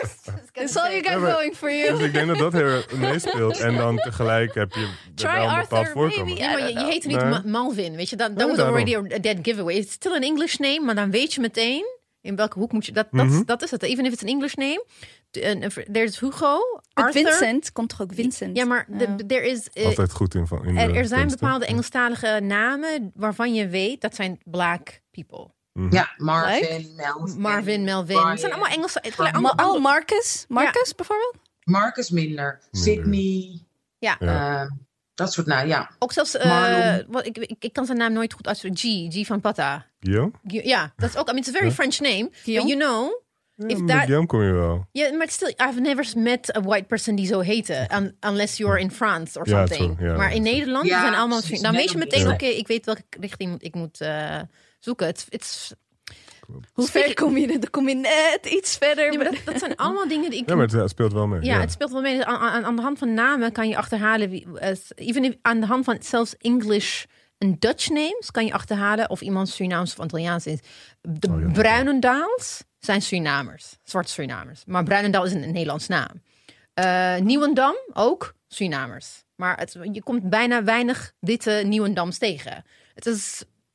Somebody should write a book about that. It's Ja, maar als fascinating. die, de Surinamers hebben van die leuke namen die soort van, het is leuk zeg ik dan, maar die samengesteld zijn uit soort van Ja. rare Ja. dingen die niet bij elkaar passen Ja. of zo. Maar ja, Bergwijn. die hebt, eh, ja, precies. En Zoals? Wat zei je, Anusha? Bergwijn Bergwijn. winnen. ja. Dat is echt Eh, een bedachte naam. Ja. ja, en in mijn familie is Loswijk, onder andere. Wat niet per se heel... Het is zeg maar, op eerste gezicht klinkt het niet per se heel gek, maar wellicht Ja. toch wel een beetje. En de VN's en... Ja. Shout-out naar mijn fam, toch? Maar Oh, mine is a total giveaway. My name. Ja. een Bij mij ook. Bij mij, I mean, bij mij is het en mijn voornaam en mijn, mijn, mijn achternaam wat de naam van mijn Vader. opa is. Dan weten ze meteen, she's Oromo from Lega. Van precies gewoon, zelfs bijna tot aan de stad. Hè? Want mijn, mijn vader heeft wel een Amhara naam gekregen, Aberra. Dat, dat, als, als ik Ebise Aberra heet, dan denken ze dat mijn vader Amhara is. Maar omdat ik Nederland door, ik heb het vaker gehad, because of my mom's. Het zo'n Ik- mooie naam. Vier, Ik vier, vind dat vier het- mannennamen. Ik vind het altijd heel leuk om Bakjira Ja, te maar dan, zeggen. dan weten we meteen. Mijn naam in Addis is like, uh, je bent Oromo. Dus it's a dead giveaway. I, cannot, I can never disappear, zeg maar. Zelfs in Ethiopië niet. Laat staan hier. Oh, ja. Speaking of... Wat wil Ja, je? nee, wil wat iets ik vragen? zeggen, maar mijn achternaam is natuurlijk ook heel speciaal. Maar ik denk dat ook andere ne- wel, Nederland, wel, wel Nederlands klinkende Surinaamse achternamen, dat ze heel veel Nederlanders niet eens doorhebben waarom mensen een bepaalde naam hebben of waar die naam vandaan Of komt of dat soort dingen. Uh, speaking of writing. We, eh, ik wil het eventjes hebben over jouw stuk aan wethouder Turia Miliani. Mhm. Over het stedelijk. Ja, Uh, what brief. happened? Die wij in de studio hebben gehad. Ja, die we in twee jaar geleden. We, lo- we love Turia. Nice heels. Always nice Ja. ook. En Ja, also. Ja, maar ook she's always in voor... Ze kan kritiek hebben en krijgen. En En dan Anyway. the next step to do. ja. Hashtag iedereen. Uh, love you, Turia. Sorry. Ehm, ja, vertel. What, what, what was this? What you happened? Nee, maar kijk, nee, nee, no, no, no, no. I, I've had something like similar thing. Het enige, e- eerste en laatste uh, opiniestuk iets ooit heb geschreven. Like, I read something. Ik was zo boos. Ik dacht, en nu? Da, da, da, da, da, da. Dat heb ik gedaan. What was, Mhm. what was the... Ehm, deels mijn naïviteit van dat ik thuis zit en dingen schrijf en dan niet doorheb dat iemand het ooit gaat lezen. heb ik nog steeds met andere dingen ook. Dat, dat je gewoon een tekst schrijft en dan zegt iemand, oh ja, die tekst. En dan denk ik, oh shit, mensen lezen dit echt. Dat hebben wij nog steeds met deze Ja, podcast precies. hoor. dat is crazy toch? Want je zit hier in een soort van afgesloten space toch? En dan komt het naar buiten en dan, ja, blijkbaar doet het dan wat. Eh, dus dat speelde mee. Het was lockdown, dus ik was net geïrriteerd. Sowieso. Maar ook ehm, dat er in het algemeen binnen het museale veld of binnen de kunstwereld, dat er een, een tendens is om bepaalde mensen te tonen en dan je daar heel erg eh, jezelf eh, ik was op de borst te kloppen of op de rug Mhm. te kloppen. Ja. Wellicht allebei. Ehm, dus dat is ook een. Dat vind ik best wel vervelend. Vooral omdat er heel veel oppervlakkige, slechte dingen worden gedaan. In, daardoor. en de hele tijd dezelfde mensen worden getoond, terwijl er veel meer mogelijkheden zijn, maar ook vanuit een soort van ongeïnformeerd perspectief met bepaalde onderwerpen wordt omgegaan. Hmm. Ehm, en nee, ik loop al een tijdje rond in de kunstwereld, ook een jaar of tien ondertussen. En misschien negen. En dus ik heb heel erg gemerkt hoe het is veranderd. De afgelopen, vooral de afgelopen, we zeggen, vier, vijf jaar. Dat, dat er opeens soort van wel aandacht is. Of mensen zijn heel erg op zoek. En, maar vaak op een manier dat ik denk van moi. Of net, net ernaast. Of wel de goede mensen, maar niet het goede werk. Dus zeg maar de. de of juist voor, dat er voor mensen wordt gekozen die heel erg passen in een soort witte kanon. Of daarbij aansluiten. Maar dan wel van kleur zijn. Klinkt dan, dit klonk heel slecht. Maar Nee, nee, nee. It's, Ehm, it's, it's making total sense. And uh, is it safe to ask, kan je voorbeelden geven of wil je dat niet? Ik snap, ik snap. liever niet. Oké. Nee. Maar ik denk dat alle luisteraars wel een beetje snappen van in elke Ja. sector word je een beetje moe van steeds the usual, Ja. eh, the usual faces, the usual voices, van activisme Ja. tot aan kunst, tot aan literatuur. Ja, totaal. And but also even uh, what he what he's trying to say is like we have had this personal conversation which we're not we're not we are not going to uh, dat we hier gaan herhalen is dat net zoals of het nou eh, wat ik ook zelf zie in de literaire wereld is dat de mensen eh, die dan uiteindelijk de accolades krijgen en de prijzen Ja. en de tentoonstellingen zijn de mensen die inderdaad de witte kanon verstevigen. Mhm. En So politiek het meest ongevaarlijk zijn. Ja, ze zijn politiek het minst ongevaarlijk. En they actually door, door zich te laten inspireren door bestaande witte kanon, ben je alleen maar aan het zeggen dat de witte kanon het ultieme haalbare is. You're not doing anything You're transformative. reproducing. You're reproducing and you're saying, oh, we love you. Let's let's do a, an, our own version of your ca It was fun in the 90s. Ja, ja, ja. nu denk ik van, kom op mensen. The Black Mona Lisa en the Black uh, we've Girl with the Pearl Earring. We've seen it. Ja. onzin. Ja, Ja. precies. En dan, eh, ja. Nee, ik moest, ik, misschien wil ik één voorbeeld geven, maar dat komt komt dat het een heel veilig voorbeeld is. Mm. Ehm, wat is het van Black Excellence Month, heet het toch? Die? Oh ja, Black En, eh, Achievement. Black Achievement, Black, White, Black Black, ja, die, die Achievement. trash. En die ja, het is echt zo sad. Maar daar heb je dus, eh, volgens mij was hun boekje, was dan was een zwarte balletdanser. Eh, blijkbaar dus, als je dus black and achieving bent, is zeg maar je achievement is dat je zo wit mogelijk bent geworden in je leven. Mm, dus ben je een balletdanser. Of uh, operazanger. Ja. Of, uh, Which is no offense to the people who do it. Maar meer van like, dat dit dan Ja. het is, dan het is gewoon die white standard is wel iets waarop je wordt Het zou en en en moeten Ja, zijn, ja, toch? En be Ja. that um, uh, amazing black ballet Mhm. dancer, maar also be something else. En Ja. dat is ook excellent tussen En aanhalingstekens. also de, de nadruk op uh, song and, I mean, om het heel plat te zeggen, de song and dance, entertainment. Weet je, at the end of the day, Black Ex, dat hele Black Achievement Month, drie, vier jaar, is like de nadruk ligt te veel op entertainment. Mhm. Ah, Oké, het is geen voetbal en het is geen rap, maar het is wel gewoon muziek en theater. Ik denk van, is dat, het is nog steeds dat klassieke, de enige, het enige waarin we kunnen excelleren en mogen excelleren, is ent- entertaining white Mhm. people. I mean, come on. Ja, en op die manier ga je ook nooit voorbeelden stellen. Van wat ik net eerder zei, van over die... Als je kijkt naar een museum bijvoorbeeld. Als je dan niet als persoon van kleur iets anders wilt doen... dan zie je helemaal geen voorbeelden. Maar die voorbeelden worden ook niet... want ze zijn er wel, deels... maar ze worden niet uitvergroot. Hmm. dus, je, Ja, je dus, de opties, ja, dus de opties voor jongeren in die zin... zijn ook super gelimiteerd als je het hebt over een soort van visuele opties. Gewoon Hmm. iemand die op jou lijkt die iets doet... en dan denk je, ja, dan kan ik dat ook gaan doen. Mm. Terwijl nu worden al die visuele opties worden geblokkeerd, omdat die scene om de Black Achievement is zo gelimiteerd en gesloten en narrow, Hmm. narrow-minded ook, dat het gewoon echt een, nee, dat het limiteert zeg maar de toekomst ook in die zin. Maar ook sowieso van pas als je succesvol bent of iets hebt achieved. Echt, geef een prijs voor een week lang op de bank gezeten hebben. Dat vind ik ook, Mhm. weet je, dat is also fine. Ja, like- be- Maar ook gewoon jobs die soort van super belangrijk zijn, als in onder, zoals iedereen nu weet dat onderwijzers en mensen in de zorg vrij Mm. belangrijk zijn voor de wereld. Waarom vergroot je hen niet uit? Maar dan moet het altijd moet het iemand zijn die weet ik veel wat voor prijs in entertainment heeft Ja, gewonnen. daarom dus, en, en het verschil tussen de Black History Month in Amerika en in de US, waar, waar we nadoen, waarom niet Black History Month? Waarom Black Achievement Month? Waarom hebben we Ja. daarvoor gekozen? Mhm. Dat is ook al een keuze die we gemaakt hebben. En ik hoop dat, ik denk, I mean, misschien is het, there, there should be, there's gonna be a learning curve en misschien wordt het beter. Ik hoop het. It would be nice. Maar oké, Mhm. eh, je bent heel kritisch Mhm. en je hebt een stuk geschreven en fast forward Ja. a couple of years later ben je hoofdcurator. Did you make a deal with the devil?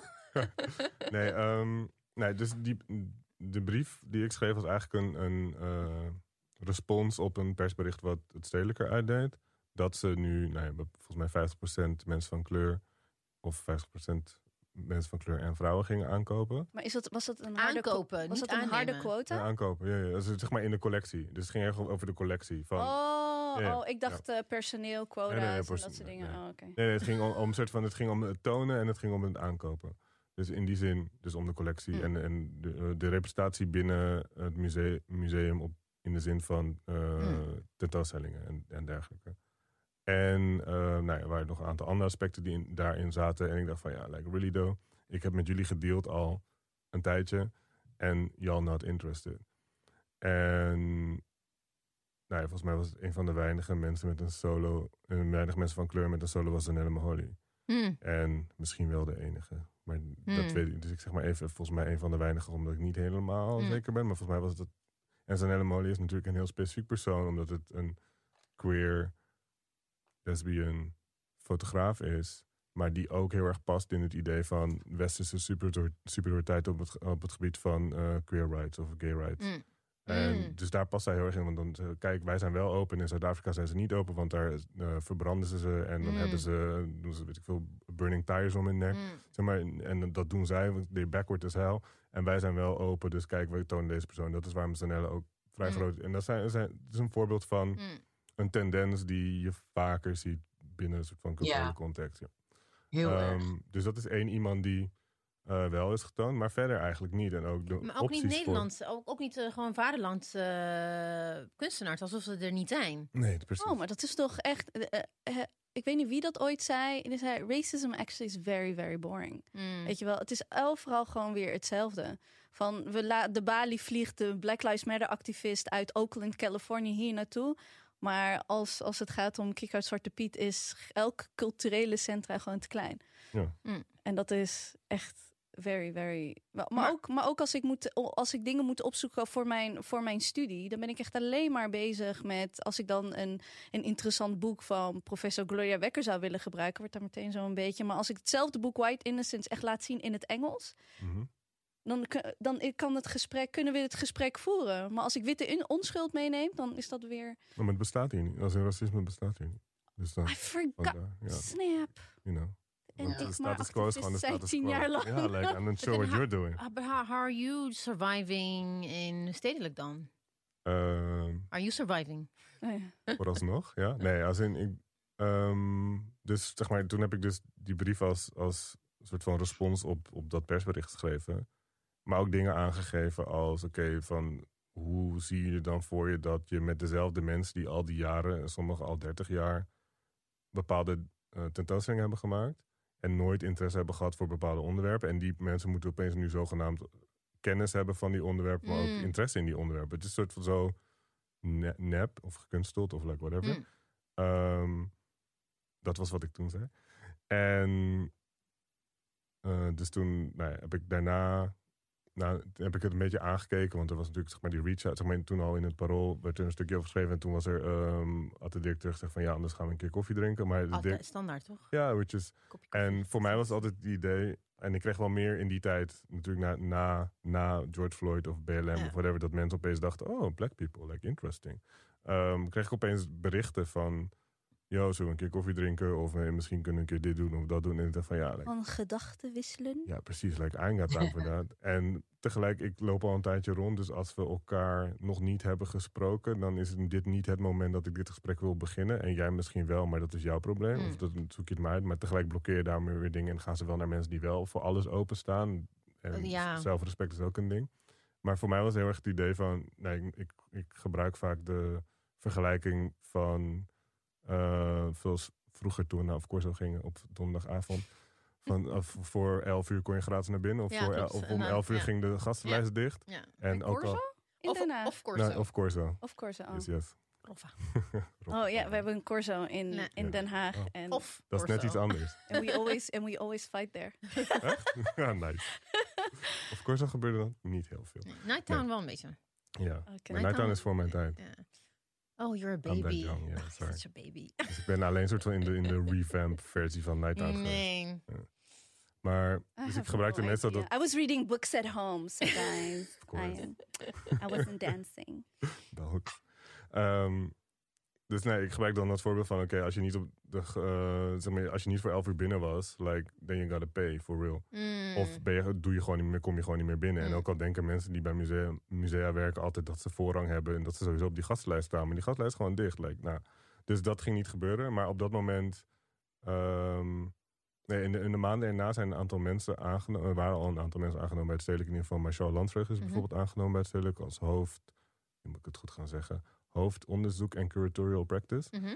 Ehm, dus een redelijk belangrijke positie Ja, binnen het museum. Is het ook, ja. En Thomas Katso is aangenomen. Al eerder was Amanda Pinati aangenomen. Ehm, dus het zijn allemaal mensen die zijn aangenomen die van kleur zijn. En bepaalde voorkeuren hebben. Eh, dus er was best wel een verandering. En bij veel musea, musea doen ze gewoon een ten- één tentoonstelling. Of twee tentoonstellingen. En dan zeggen oh, we, we, tick- we tick this box. And we, we move on like white people solo, solo, solo, solo. En, en dan altijd, ja, maar we hebben ook die ene tentoonstelling gedaan toen in... twe- eh, leuk. Nou, nou, 2014. ja, precies. En dan is of die, die ene uitzondering binnen het programma wordt altijd gehighlight, maar de rest van het programma, wat allemaal hetzelfde is, dat wordt, daar wordt niet over gesproken. Dus oké, dus toen, eh, maar toen zijn dus deze mensen, of verschillende mensen aangenomen. En was er best wel, en Remy heeft dan nu een solo, maar die werd toen al aangekondigd. Dus ik dacht van, oké, misschien moet ik gewoon een keer wel met de directeur, want de directeur is ook vrij nieuw daar. Hij werkte nu twee jaar. Ehm, Achter die hele drama met de oude directeur, toch? Ja. Ja, there was a whole drama. Oef. nogal. Lang verhaal is dat. Ja. Ga ik niet, het was niet Nee, mijn it's, tijd. it's nee. completely irrelevant to this the conversation anyway. Ja, ja. I mean, I mean, voor Nee, nee, goed. luisteraars, Ja, ja, ja, it's not oké, relevant. ja, like kunst, kunstgedoe, wereld, Ja, ja. uh, Oh, money. kunstbrief. Ja, kunstbeef, basically. Toch te lang. Bougie, bougie, bougie kunstbeef. Oh, classy though. Very- Classy in a though. classy way. Hele passief-agressieve mails naar elkaar. Oeh, dat klinkt kunst. Opinie, Spicy. opiniestukken in NRC. Hey, hey. Goodness. Ehm, maar oké, toen ben ik, uiteindelijk ben ik dus wel met hem een keer koffie gaan drinken. En eigenlijk was het best wel aangenaam. Mm. En ook in, in- Cause he a man. Dat zijn jouw woorden. Nee, maar ik vind hem best wel... Hij is best wel... Like, ik wil zeggen straight, which is also true, I think. Maar als in, hij is gewoon best wel eh, di- direct en open en eerlijk, volgens, volgens mij in ieder geval. Eh, zover ik hem op dat moment kon inschatten en nog steeds. En hij wil bepaalde dingen. En ook met wat meer onderzoek van mijn kant bijvoorbeeld. Dat in 2003 is het, als het goed is, toen zat hij bij Boymans. Mm. En toen had hij het al over van, oké, dat was Rot ja, Boymans in Rotterdam. Boymans van Beuningen in Rotterdam, het museum. En daar zat hij toen en zei van, ja, like, wat wij nu hier doen is, like. Dit is mijn, is mijn slechte quote, maar basically van de stad Rotterdam is een bepaalde demografie en wij als museum moeten daar misschien meer bij aansluiten. Eh, alleen hij was daarna vrij snel bij het museum weg omdat er een nieuwe directeur kwam en toen is hij ergens anders naartoe gegaan. En, maar basically zegt hij nog steeds hetzelfde als in de stad Amsterdam nu of de, de wereld of Nederland is, heeft een bepaalde demografie en wij sluiten daar eigenlijk niet echt bij aan. Dus dat moet ik veranderen. En dat is waar hij mee bezig Maar- is. Dus dat, maar dat was, hij zei dat in 2003, toch? Zeg Ja. jij? Ja, maar het is nu toen heel veel in Duitsland. 2021. Ja. Het is nu 2021. Mhm. Jij bent daar nu dus de curator fotografie, Mhm. vaste aanstelling, Grootwinst Instituut. Wat kan jij en ga jij en moet jij nu echt anders gaan doen? Want 2003, het is bijna 20 jaar geleden. En dat er iets moet gebeuren, dat Mhm. hoor ik ook al vanaf dat ik 18 Ja. ben. Dus wat, wat, wat met, kan jij, dus het is nogal hè, veel op jouw schouders. ja, ja. Maar wat kan jij dan wel doen? Wat, wat- is- Welk stukje kan jij concreet gaan doen? En je, omdat jij dus je bent voor het eerst dat je hierover praat in een Mhm. uitzending met ons. Klopt. Dus daar zijn we ook heel blij om. Dus give us that, geef ons die primeur. Ehm, nou, het ding is dat ik, dat ik eh, deze baan, positie wilde. Zeg maar, in, in Chill was ik totaal niet geïnteresseerd om bij een museum te werken. Omdat nee, eigenlijk de druk die je nu op mijn schouders legt, die druk Ja. was ik niet per se geïnteresseerd in. Of tenminste niet in die mate. Waardoor het dus helpt dat er nog meer mensen in het instituut zijn aangenomen voor mij. Want ik wilde Ja. niet die enige persoon zijn dat als iedereen kijkt. Ah, ja. Want ik zit in andere, ik zit veel in commissies en, en juries en zo. En dan gaat over, dan wordt het woord inclusiviteit, diversiteit of Afrika wordt genoemd. En dan kijkt iedereen naar mij. En ik denk van ja, eh, ik ben, naast dat ik dat allemaal niet ben, is het ook gewoon niet mijn taak om dat allemaal te doen terwijl jullie rustig soort van doorslijden op je soort op je al, wat je altijd al hebt gedaan. Maar binnen dit team denk ik dat er, eh, dat er veel mogelijkheden zijn. En ook met de welwillendheid of de willen, eh, ja, nee, de wel, ja, gewoon de, de doelen van het museum, dus van de nieuwe directeur, dat er ehm, mogelijkheden zijn om wel degelijk verandering te brengen. In ieder geval de programmering, maar ook de mensen die je aanspreekt. En nou, een tentoonstelling als de Surinaamse school die is gemaakt, wat voor eh, nou, een tijdje voordat ik er was, eh, is die natuurlijk in gang gezet. Maar dan, dat is wel een indicatie van verandering in die zin. En nu het solo van Remy bijvoorbeeld ook. En zo komen er wel meer dingen die. En ook in de aankopen en in de collectiepresentatie zit dat allemaal. Dus dan zijn er bepaalde aspecten die je gewoon wel kan highlighten. Bijvoorbeeld, ik kwam toen ik, nou, toen ik begon, we zijn nu met collectiepresentaties bezig. Dus de, nieuwe de collectie wordt opnieuw gepresenteerd, om het zo maar te zeggen. En daar kom ik dan dingen tegen als een, die, de foto van Anton de Kom, die door Piet Zwart is gemaakt, kom ik dan opeens tegen. Maar die is gewoon nog niet getoond, terwijl die wel in de collectie zit. Mm. Dan denk ik van, oké, daar kun je dan wat mee. En dan gaat het heel erg om je affiniteiten. En er wordt vaak gezegd dat, er, dat het er niet is. Maar dan, ik kom best wel wat dingen tegen die ik super interessant vind in de collectie. Maar die gewoon nog niet eerder op die manier zijn getoond. En niet in die context. Bijvoorbeeld zijn er best wel wat eh, foto's van de onafhankelijk- onafhankelijkheid van Indonesië. Of onaf- onafhankelijkheidsstrijd. Dus zeg maar Mm. dingen tussen 45 en 48. Nou, die vind ik super interessant. En dat zou ik graag tonen. Ja. Maar dat werd eerder in ieder geval niet... Zeg maar, sommige van die foto's zijn wel getoond. Maar dan niet binnen een context van... eh, nou ja, in- of misschien wel in relatie tot elkaar. Ik, ik vind het bijvoorbeeld super interessant om die eh, strijd... Van, of zeg maar, Ant- die foto van Anton de Kom... met het verhaal van Anton de Mm. Kom eromheen... in combinatie met eh, de onafhankelijkheidsstrijd van Indonesië te tonen. Mm. Want op die manier maak je, toon je eigenlijk dat... hoe de geschiedenis in Nederland vaak, vaak wordt verteld van... oh, in, in de- de Tweede Wereldoorlog waren er Japanners in Indonesië... en toen wilden, wilden al die mensen opeens onaf- onafhankelijk worden. Nou, ja. Als, in, als, je, als je dan met Anton de Kom combineert... dan zie je dus dat dat verzet is veel langer. En dat verzet zat ook in Nederland. En er waren studentenbewegingen hier. Want er waren vooral natuurlijk mensen die vanuit de kolonie naar Nederland kwamen om te studeren. En, het, en altijd dachten dat ze Nederlander waren. Ook omdat, nee, in ieder geval van, het, van het Nederlands-Indische context waren het mensen die vaak van, eh, gemixt waren. Of gemixt is een heel slecht woord, sorry. Ehm, die vaak, ehm, zeg maar, nee, Indo waren. Een wit, vaak een witte vader in, in, inheemse moeder. Ehm, en die combinatie, of tenminste die, die combinatie van verschillende mensen die in Nederland kwamen studeren en hier erachter kwamen dat Nederlanders hen helemaal geen Nederlander vonden, heeft heel Mm. erg voor dat verzet gezorgd. En dat is een lijn die al eigenlijk sinds eind 19e eeuw aanwezig is. En dat is iets wat ik dan wil highlighten bijvoorbeeld. En dat kan dan omdat er wel clues in die collectie zitten die ik dan kan verbinden. Oké, wat je dus even heel kort samengevat, wat je wil zeggen, is like, er, zijn heel, er is in de collectie van Stedelijk heel veel nog. Ja, niet heel veel, Niet maar per wel. se heel veel, maar er zijn wel genoeg dingen, eh, ja. aanknopingspunten, waardoor jij verhalen kan vertellen vanuit een perspectief dat niet Mhm. eigen is Ja. in moet in de stedelijk DNA. Ehm, En dat is het collectiedeel. En dan Co- daarnaast zijn er natuurlijk, komen er natuurlijk nieuwe tentoonstellingen in de zin van met mensen Hmm. eh, deels leven, deels niet leven. Die, waarbij ook die optie ligt om gewoon andere keuzes te Hmm. maken. en Omdat je andere affiniteit hebt. Ja. Want als je het hebt over zeg maar, wat ander, eh, de- om andere dingen te vullen. Voor mij zijn die dingen niet anders. Voor mij zijn het hele logische dingen. Want eh, ik maakte mijn eerste tentoonstelling in 2014, 15 bij Castum Pellegrini, wat nu anders Hmm. heet. En een bepaalde geschiedenis damn, heeft. that's bougie. It's extremely bougie en elitair en oh my god, oké, go on. Fijn. Oké. maar er is ook een heel, hele drama erover. Ja, ja, ja, ja, ja, tuurlijk. Ehm, maar dat was een plek die op dat moment waar ik... nee, ik heb eigenlijk ik, ik heb ooit een recensie daarover hen geschreven. En daarna hebben ze me gevraagd of ik eh, dat dingen voor hen wilde schrijven. En vandaar is eigenlijk de mogelijkheid gekomen om een tentoonstelling te doen. Hmm. Nou dat heb ik toen gedaan. Maar die tentoonstelling ging over de constructie van de geschiedenis. Dus wat wordt er wel opgenomen, wat wordt niet opgenomen. En dan in die zin wat nou ja, op dit moment veel wordt genoemd als een alternatieve geschiedenis of alternatieve verhalen. Ja, dat, was, dat, dat was eigenlijk het begin van wat ik deed. Maar daar zat bijvoorbeeld Remy Jongeman zat daarin. Maar ook Wendelin van Oldenborg en Mm. eh, Remco Torenbos. Ja, dat is een, eh, verschillende mensen. Nu mis ik een aantal mensen. Sorry, sorry aan deze mensen. Eh, want het is een beetje films allemaal op te noemen. Ook had ik dat- dat met het excuus in de tijd had ik dat alsnog kunnen doen. Maar oké, whatever. Ehm, maar, zeg maar het zijn onderwerpen die altijd voor mij aanwezig zijn geweest. En ook die affiniteit met muziek bijvoorbeeld. Ik heb veel tentoonstellingen die ehm, in ieder geval in titel naar muziek refereren. Mm. En bijvoorbeeld No You Won't Be Naming No Buildings After Me, Mm. Intent, Badu. Maar ook In Search Of, wat op de Van Eyck was. Wat Mm. natuurlijk een, een eh, NERD-referentie is. Maar er zijn, en ja, Even If It's Jazz of The Quiet Storm. Ja, er is is ook iets in Rotterdam.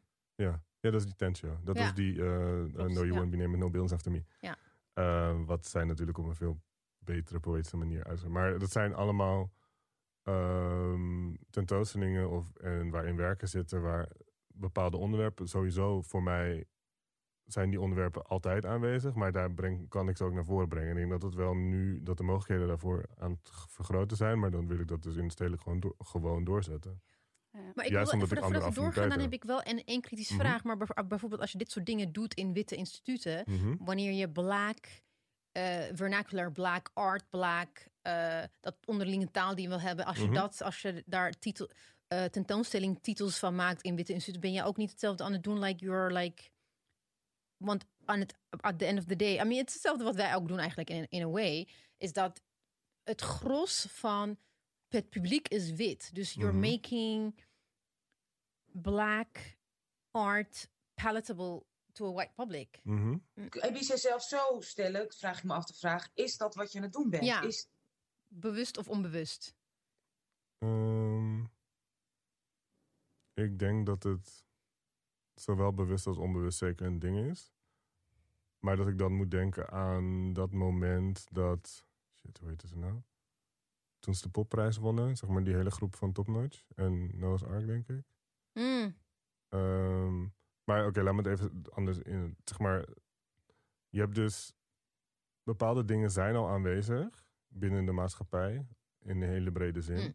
Maar bijvoorbeeld als je dan over muziek hebt, bijvoorbeeld hoe alle radiozenders nooit mensen van kleur wilden tonen, wilden, eh, want er was, mensen wilden het zogenaamd niet horen. En dat is, dat is omdat hun publiek is main, mainly white. En eh, toen kwam YouTube en Spotify en er werd opeens totaal zichtbaar dat er een markt was voor... En van niks. Ja, precies. Mm. Ja, van, ja, sorry. Straight up. Ehm, dat er echt een markt is. En een grote markt. Voor bepaalde muziek. Die, waarvan altijd wel zegt, dat wil niemand horen.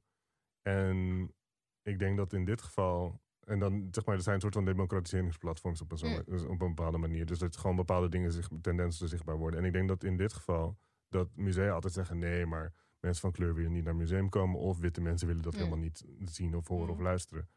En ik denk dat in het museum dat daar ook een optie voor is. Dat je dus bepaalde dingen waarvan mensen eh, altijd hebben gezegd dat niemand dat wil zien, dat ze mensen dat wel degelijk willen zien.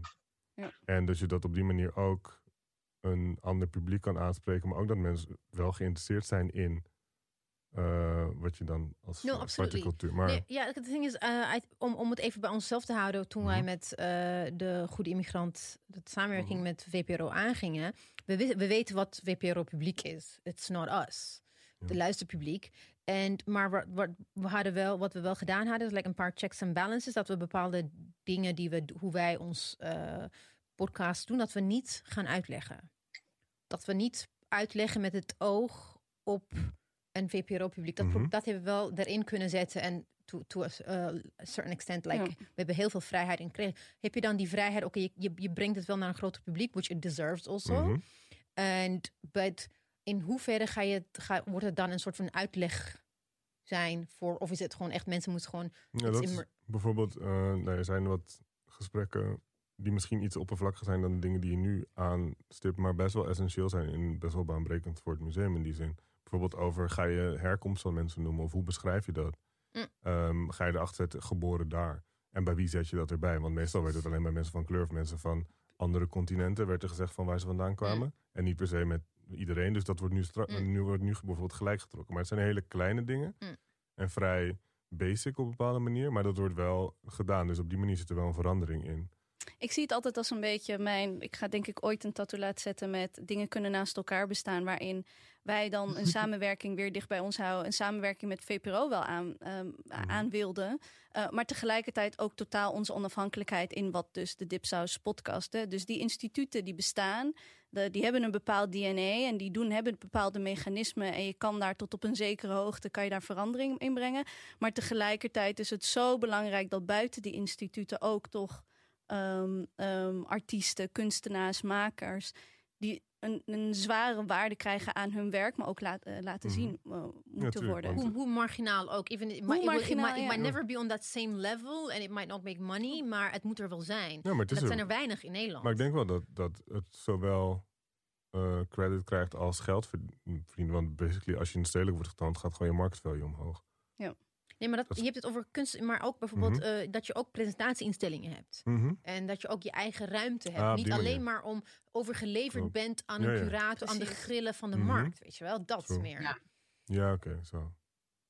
Dus, hè, dus dan, precies de voorbeelden die jij noemde van, hè, nou oké, ik kom niet op 3FM, Mhm. maar op een, bepaalde, op een bepaald moment kwam er, kwam er YouTube. Ja. Eh, ehm, zodat je eigenlijk, en ik denk dat, de, eh, dat het niet eerst zo is geweest dat 3FM bedacht van, oh, misschien moeten we kijken naar hè, dat onze luistercijfers naar beneden gaan, want hun luistercijfers gaan al tien jaar omlaag. Mhm. Ehm, maar dat het eigenlijk een beetje een gedwongen. Hè? Dus zo'n stedelijk museum wordt eigenlijk Mhm. gedwongen. Ah, en instituten worden gedwongen, omdat anders mensen. En met mensen met hun geld, mensen van kleur die dus economisch Mhm. hè, ook geld willen uitgeven aan kunst, ergens anders eh, Ja. liggen. Zeker.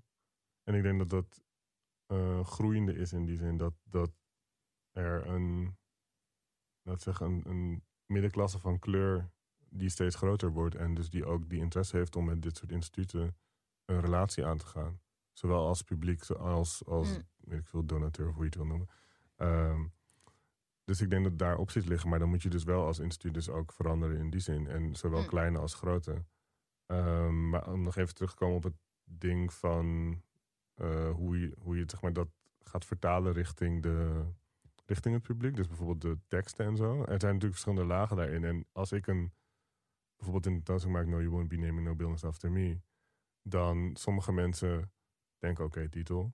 En het past wel bij het onderwerp of zo. Maar andere mensen weten waar het vandaan komt. Ja. En begrijpen hoe van waar echt van deze. de- als in het referentiekader wordt dat ik gebruik, is heel specifiek. En dan heb je al gelijk een andere conversatie. Ja, precies. Ehm, en dan is het, oké, natuurlijk, ik kan aan sommige mensen 82.000 eh, van Erika Badu zeggen. En het is een nummer over die en die persoon.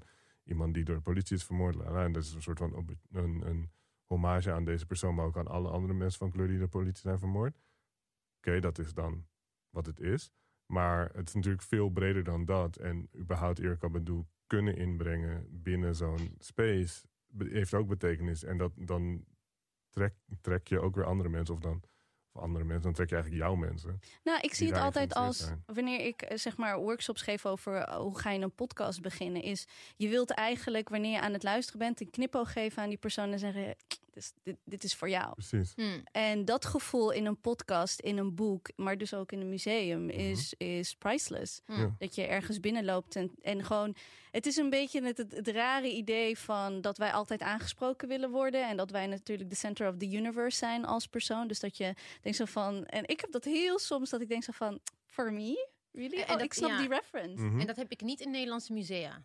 Nee, maar weinig. Ja. Ja, maar dan heb je bijvoorbeeld soms. doe dan een show die heet Say It Out Loud. En I Just Wanna Die. Wanneer, Ja. wanneer dat gebeurt, like... En maar dat heb je wel bijvoorbeeld in like crazy heb je dingen. dat, in New York heb je dat, Ja. waar je, eh, al zijn ze niet zo heel groot, je gaat ergens en it's just like, het komt allemaal op je af. Je denkt, ik wil, en, en voor, voor ons, because we are so starved here, denk je dat dat het is. Maar als je mensen daar spreken, maar ja, dan, dan zijn ze ook Mhm. redelijk kritisch over. Ja, tuurlijk. die Zouden zeggen. Erica Badu, eh, eh, die, die altijd, weet je wel? Mhm. Ja, ja. But here we're, Ja. we Ja. ja, maar het, houden ons daar zo aan maar het is vast. natuurlijk... Eric, leg maar, ik heb die in de Even If It's Jazz or The Quiet Storm... niemand had een idee wat die Mm. titel was. En het, het is, maar, er zitten drie via's in. Het Eric Bier en Rakim, maar het is ook Tan- Ja. Tanisi Coates. En Ja. er zijn, er zijn zeg maar, allemaal aspecten die erin zitten. Maar in die tentoonstelling zat geen enkel persoon van kleur eh, qua kunstenaar. Ja, Maar dat was voor mij ook weer een soort van grapje. ja, Om, om zeg maar, onder die paraplu van een soort van totale blackness ja. all white people te tonen. Maar, Ja. en, het ging, en ook niet om een thematische tentoonstelling te doen. In de zin van, mensen vragen me altijd, oké, doe iets met onvertelde verhalen. En gelijk, nou, it's, nu is het gewoon, zeg maar, eh, kunst om kunst, zeg maar. De meest Mm. eh, materie- eh, zeg maar, het gaat over materie, het gaat over positionering, het gaat over nou ja, bepaalde referenties die heel erg kunsteigen zijn. Dus best wel in-crowd in die zin. Maar dan de curator is van kleur en de titel is van kleur. En maybe you don't get it, maar het is wel een, een bepaald. En tegelijk is de titel poëtisch genoeg om wel een soort van daar een eh, relatie mee aan te gaan. Ja. Dus dat zijn wel dingen die ik ook probeer te doen. Vincent, we, eh, gaan, we hebben nog één favoriet eh, onderdeel wat we willen bespreken. dit is, maar dit is echt ons favoriet. Ehm, het, wij- het, het zijn onze, niet de BBB's, maar de DDD's. En die staan voor dansen, die staan voor drinken en die staan voor dipsausen. Nou, dansen, hè, dat mag je interpreteren zoals je wil. Dat mag juist heel ver weg. Inderdaad, eh, social, social distancing, de robot of helemaal slow dansen. Drinken, dat mag zijn ook wat je wil. Dat kan heel gezond, weet ik veel. En van de groene shake zijn tot en met drie dubbele tequila's. Eh dipsaus is maar één ding. En dat is eigenlijk wat wij al vijf jaar lang met elkaar doen. Is continu met elkaar in contact. Of dat nou is via app. Of dat nou is via, via telegram. Of het nou is met e-mailtjes. Of het nou is met hele lange voice notes. Gewoon kon alles met elkaar bespreken. Dus inderdaad van onze PMS tot en met zal ik deze trui kopen. Eh, dit is in de aanbieding. Wat zal ik koken? Gewoon alles met elkaar. En natuurlijk de diepgaande gesprekken. Dus je krijgt zo drie namen. Mhm. En met, je moet dus één van die drie dingen met drie mensen doen. Dus of drinken, of dansen, of dipsausen. En we willen heel graag weten dus wat je gaat doen, welke day en ook waarom. Oké. Nee, sorry, ik zei, ik mag, ik mag en maar niet dat ik maar eh, allemaal één optie heb. Nee, nee, nee, nee, nee. Oké, nee, nee. heel goed. Nice try. De drie namen die we voor je hebben zijn Kanye West, oftewel Ye, Yeezy, hoe heet hij nu? Ye? Jeezy? Jeezy Trump? Volgens mij, ja, precies. We hebben Marlène Dumas Mhm. en we hebben Natasha Kensmil. Nice. My people. Oké. Wat ga je doen, met wie en waarom? Damn. Complex, complex. Dus moet- Really? Ik vind het altijd zo leuk dat mensen Tuurlijk. proberen één eronder uit te komen. Ja. En Ja. twee, ik vind het heel, heel ingewikkeld. Ehm, laten we maar met J beginnen. J is mijn grote liefde. Hè? Ehm, Why? Oké, why? Ehm, omdat hij, toen ik 16 was, denk ik, dus kwam Through the Wire uit. Hmm. Ehm. En hij is soort van de, de persoon die ehm, niet ghetto was, om het zo maar even te zeggen. Ehm, dus zeg maar in, zoals hij zelf zegt, pink polo's en Louis Vuitton kwam. Dus soort van van de middenklasse achtergrond komt. Hmm. Which is like Oh. same.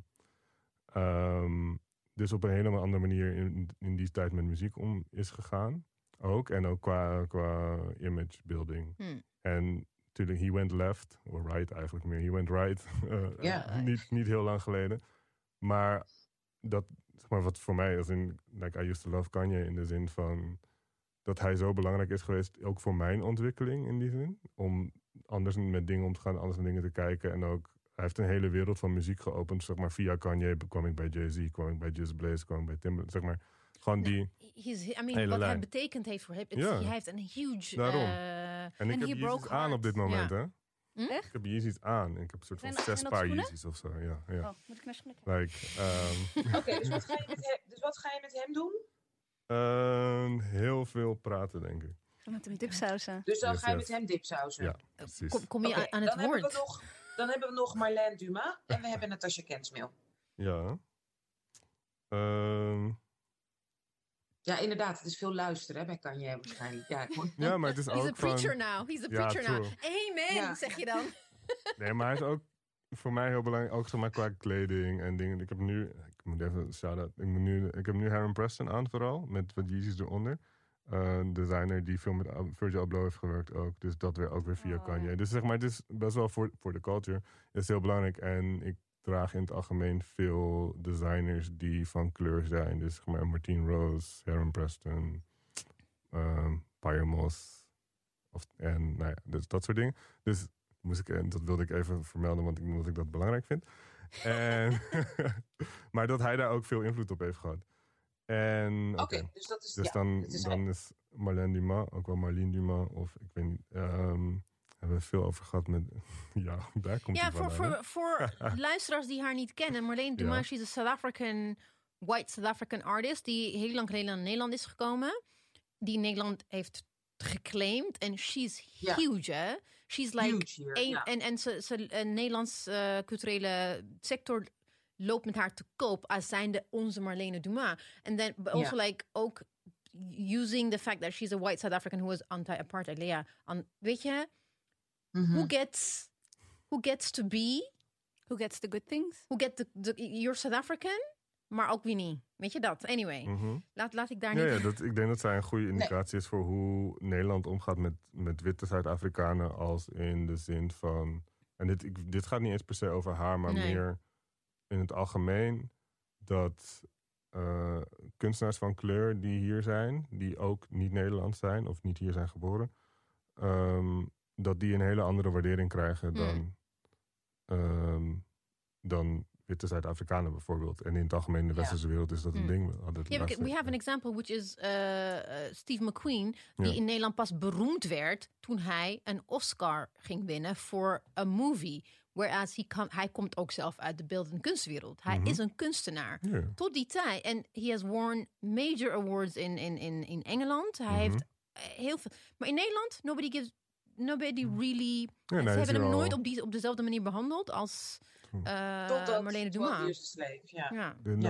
Oké, maar wat ga je met haar doen? ik denk, eh, wat drinken? En wat ga je dan drinken? Eh, ik denk gewoon koffie, gewoon om het erover te hebben. Ik ben wel benieuwd wat zij ervan. Want ik ken haar niet. Ik, heb, ik zie haar wel in zijn round, maar ik ken haar niet persoonlijk. Dus ik ben wel geïnteresseerd wat zij ervan vindt. Eh te meer eh, omdat ik laatst in Parijs was bij Musée d'Orsay. En daar had, heeft zij een kleine show. Of een, nee, nee, twee, ja, het soort van een show, twee kleine showtjes. Eh, ik denk dat ze het oké vindt als ik ze klein noem, want ze zijn niet heel groot. Ehm, maar daar heeft ze bijvoorbeeld een portret van Machek Langa zit daarin. En dat is ook een Zuid-Afrikaanse kunstenaar die sinds 1995, 96 in Nederland is. Eh, de laatste tijd meer heen en weer. Maar hij is, en hij is like, internationaal is hij super groot. Mm. Maar in Nederland toont hij nauwelijks. En ik ben wel geïnteresseerd, vooral omdat zij hem wel heeft geportretteerd. Dus ze kent hem en heeft waarschijnlijk een, een contact met hem of een relatie met hem. In de zin van dat ze elkaar vrij goed kennen en uit hetzelfde land komen en interactie hebben. Dus ik ben wel benieuwd eh, hoe zij de dingen die wij net noemen, hoe zij die ziet. En volgens mij is ze wel een leuk persoon van wat ik altijd van mensen hoor. Dus Dat me wel interessant, ja. En dat, dat betekent dus dat je gaat dansen met Natasha, Kent. ja leuk. Eh Marlene en Natasha zitten bij dezelfde galerie trouwens, wat wel grappig is. Ehm, ja, want Natasha danst. Ik denk dat Natasha ook niet danst. Oh, dus ze gaan jullie samen allebei niet dansen, maar wel dansen. Zo with your back against the wall. Ja, Nice. ja, ja, ja. Ehm, Samen staan. dus Ja. ik denk dat dat, eh, dat mijn eh, way out of dancing is. Nice. Mijn, mijn dansen is een. Maar waarom, waarom dans je niet? is mijn Je ging wel is- uit. Is mijn politieke handeling. Oh, come ik on. weiger te dansen. dat is zo cliché. Oh, come on. Hoezo is dat een cliché? Maar echt, ben jij de type die met zijn back against the wall staat? Ja, ja, totaal. De, Oh. mijn, lean back was echt opening, eh, Oh ja. opening voor mij. Oh, dank je nou. Maar Oh, waarom? Ik denk dat ik anders met muziek omga. Ik denk dat ik meer op een, op een eh, hoe noem je dat? Een, een lyrical level, maar ook op een producer level. Dat is ook een van de redenen dat Kanye, maar ook Pharrell en Mm. Timbaland en Just Blaze zo belangrijk zijn. Maar dan kan je toch ook gewoon op dansen? Ja, ze dansen ook. Timbaland danst hoor. Ja, toch? Ja, maar dat is echt niet best, ja. Which is fine, maar misschien is dat al. Dat ik zeg dat het niet best is. Misschien is mijn eigen, zijn, mijn eigen moves ook niet best, maar dan vind ik het... Wellicht zit ik, sta ik altijd voor de spiegel in de slaapkamer met een, met een kam in mijn hand. Oh, maybe. Fles shampoo. Ook, onder de douche. Ja. Oké. Nou, Vincent, we zijn eh, heel erg dankbaar dat je deze zondag met ons wilde delen. Dus we kijken ontzettend uit naar wat je, de, de toekomst, eh, wat, wat je allemaal hier misschien nog meer komt vertellen als primeur. Straks als hè, nu naar deze lockdown eerst weer overleven met z'n allen. Ehm, heel fijn dat je er was. We, willen je, ehm, we wensen je onwijs veel succes en lekker veel staan eh, tegen, de, tegen de muur aan op elke dansvloer. Altijd goed. We willen eh, Dag en Nacht Media heel erg bedanken. En natuurlijk Revu- Revue die onze nieuwsbrief faciliteert. Laat alsjeblieft recensies voor ons achter op je favorieten. eh, Waar je dit luistert. Heel belangrijk voor ons als onafhankelijke makers. En luister alsjeblieft naar de Goede Migrant podcast. Eh, in samenwerking hebben we het over gehad ook vandaag met de VPRO. Laat ook daar alsjeblieft een recensie voor ons voor achter. Bijvoorbeeld eh, Waar blijft Siri 2? Bedankt allemaal. Ook Joyce, onze productiecoördinator. Heel erg bedankt. En we gaan even met z'n allen afsluiten. Eh, doei! Doei!